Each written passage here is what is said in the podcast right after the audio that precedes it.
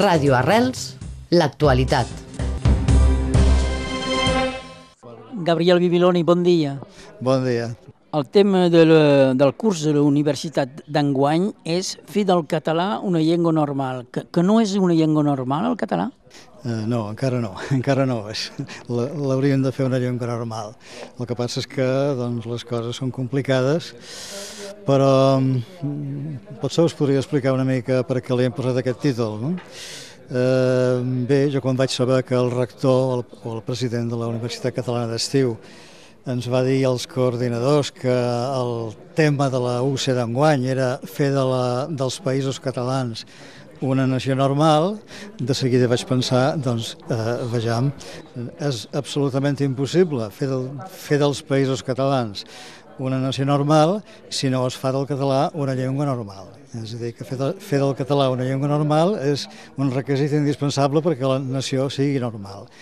I per això doncs, em, li vaig posar aquest títol i, i bé, som tres professors, eh, jo he parlat de com hauria de ser la llengua mateixa, l'estàndard, en, en una situació de llengua normal, Després el professor Bernat Joan ha parlat de quines són les actituds que s'han de tenir per part de la gent eh, perquè, perquè tinguem una llengua normal i finalment de, doncs, la professora Marina Massaguer, que és una jove investigadora en sociolingüística, ha parlat d'un tema que interessa molt a la gent, que és el futur del català. No? Eh, que es diu, que s'ha dit i que, i que podem esperar del futur del català la normalitat, la estandardització és un perill també per a les formes dialectals? No té per què ser-ho, poden coexistir. No?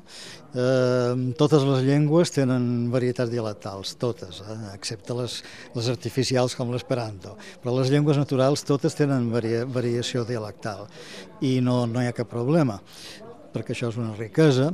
El que passa que també, per altra banda, totes les llengües normals eh, que vulguin funcionar en una societat en tots els àmbits, eh, com a llengües normals, necessiten tenir una varietat unificada. Eh? Si no, és impossible aquest funcionament. I, per tant, es tracta de fer compatible i, i que coexisteixin no? La, una llengua estàndard unificada i les varietats de sempre. Mm.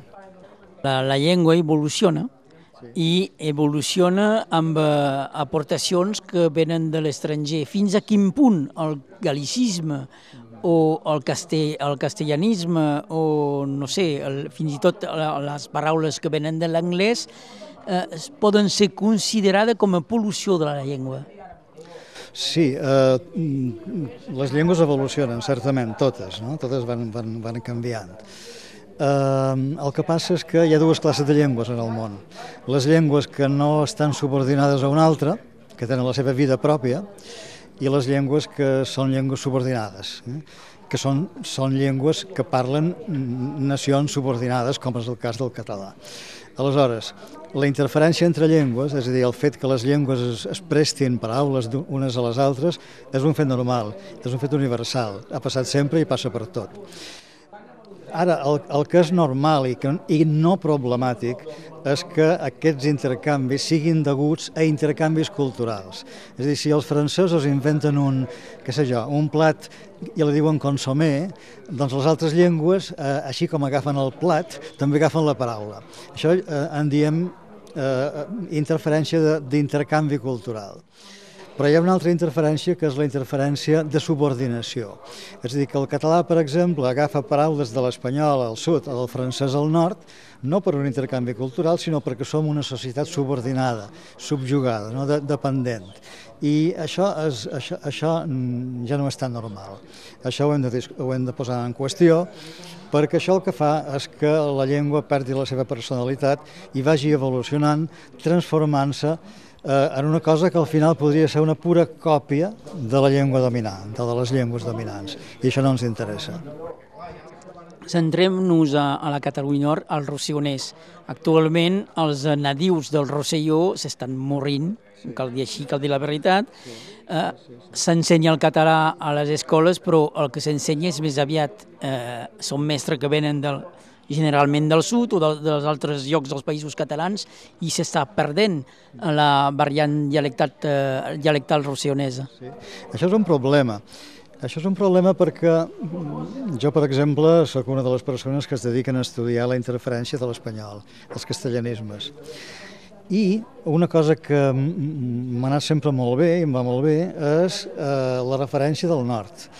És a dir, mm, quan una paraula s'usa al sud i veiem que ve de l'espanyol, doncs tenim el contrast amb el nord eh, en què no hi ha aquest hispanisme. No? I això ens ajuda molt a entendre com funciona la interferència de l'espanyol. I és, dic que és una llàstima que, que, que es perdi el català de, de, del nord tal com ha estat sempre, perquè perdem aquest referent. Eh? I aleshores és una llàstima que el català del nord sigui substituït per una cosa que alguns diuen catanyol, que és el que se sent parlar per Barcelona o per TV3, i això a mi, em sap greu que, que hi hagi aquesta substitució, no? com em sap greu que la situació de la llengua al nord, que és una, és, és una pena que s'hagi arribat a, aquest, a aquests nivells de, de, de pèrdua de la llengua i que, i que això s'hauria de, de revertir i s'hauria de recuperar d'alguna manera. Acabeu de parlar de TV3. TV3 té una gran responsabilitat al manteniment de la llengua, sí, sí. de la llengua, jo diria, com cal. Sí, sí, TV3 és la raó de ser, quan es va crear TV3 és per la defensa de la llengua. Ha fet un paper molt, molt important en aquest sentit, però també pel que fa a la qualitat de la llengua crec que s'hauria de millorar. No? hauria de ser un, hi hauria d'haver una política molt clara de, de defensa d'un model de llengua genuïna i de llengua unificada i alhora de llengua que s'enriqueixi, que no sigui només una llengua molt, molt barcelonina, sinó que s'enriqueixi amb, amb aportacions d'altres dialectes i d'altres àrees. Això no, no, no és impossible, això és perfectament viable mentre si se sap fer bé. Eh? Fa uns mesos la Plataforma per la Llengua ha fet una campanya eh, equiparant la situació de la llengua catalana a l'emergència climàtica. Sí, sí. Hi ha realment aquesta emergència climàtica? Lingüística, perdó? Sí, les, i, i són les dues. N'hi ha que ho neguen, tant una com l'altra, però hi són les dues. Eh, sí, jo crec que sí. Jo crec que, clar, la situació de, de, del Principat eh, o de les illes no, no és no és com la del Catalunya Nord, però les tendències són les mateixes. Jo, jo record els anys 80 que els meus col·legues de, Barça, els meus col·legues de Mallorca, alguns col·legues, em deien això arribarà un dia que Mallorca serà com Catalunya Nord. I jo deia, que dius, estàs boig? Eh, no pot ser.